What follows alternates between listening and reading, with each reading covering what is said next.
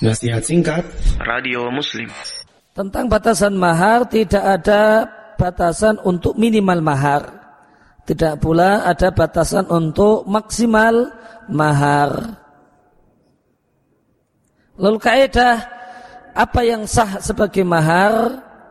Kaidahnya adalah sebagai berikut. Kullu ma sahha ayyakuna thamanan au ujratan sahha ayyakuna sadaqan segala sesuatu yang sah seandainya menjadi taman seandainya menjadi alat tukar pembayaran dalam transaksi jual beli au ujratan atau alat pembayaran dalam sewa menyewa. Soha ayakuna sodakon.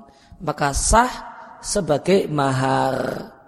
Maka semua barang dengan semua nilai Asalkan seandainya itu dipakai untuk transaksi jual beli bisa dan tidak mengapa.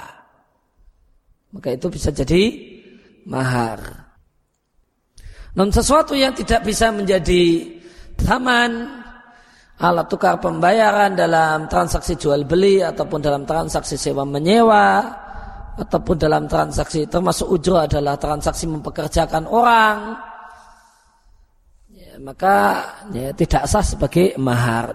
Contohnya adalah mahar ya, dalam bentuk membacakan hafalan Al-Quran.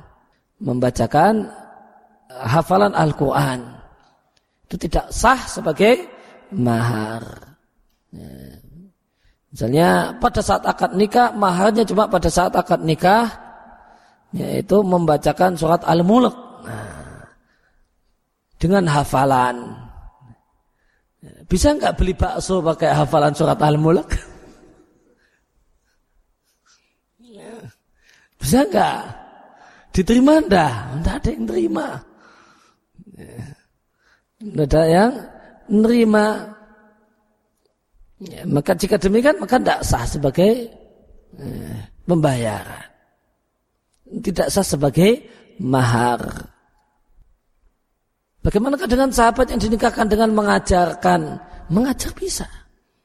Bakso satu, nah bayarannya ngajarkan, ngajar baca Al-Quran bisa.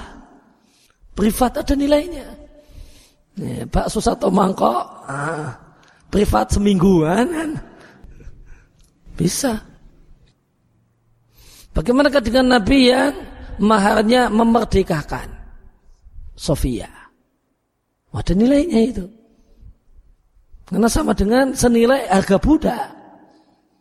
Saya tidak misalnya seandainya kemudian saya punya budak kemudian saya katakan kamu merdeka dengan syarat ya, kerja jaga tokoku selama 10 tahun.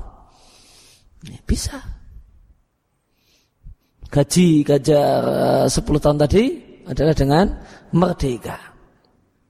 Maka itu ujrah jadi ujrah. Maka membacakan hafalan itu tidak sah sebagai mahar. Lebih parah lagi juga cuma membacakan tanpa hafalan.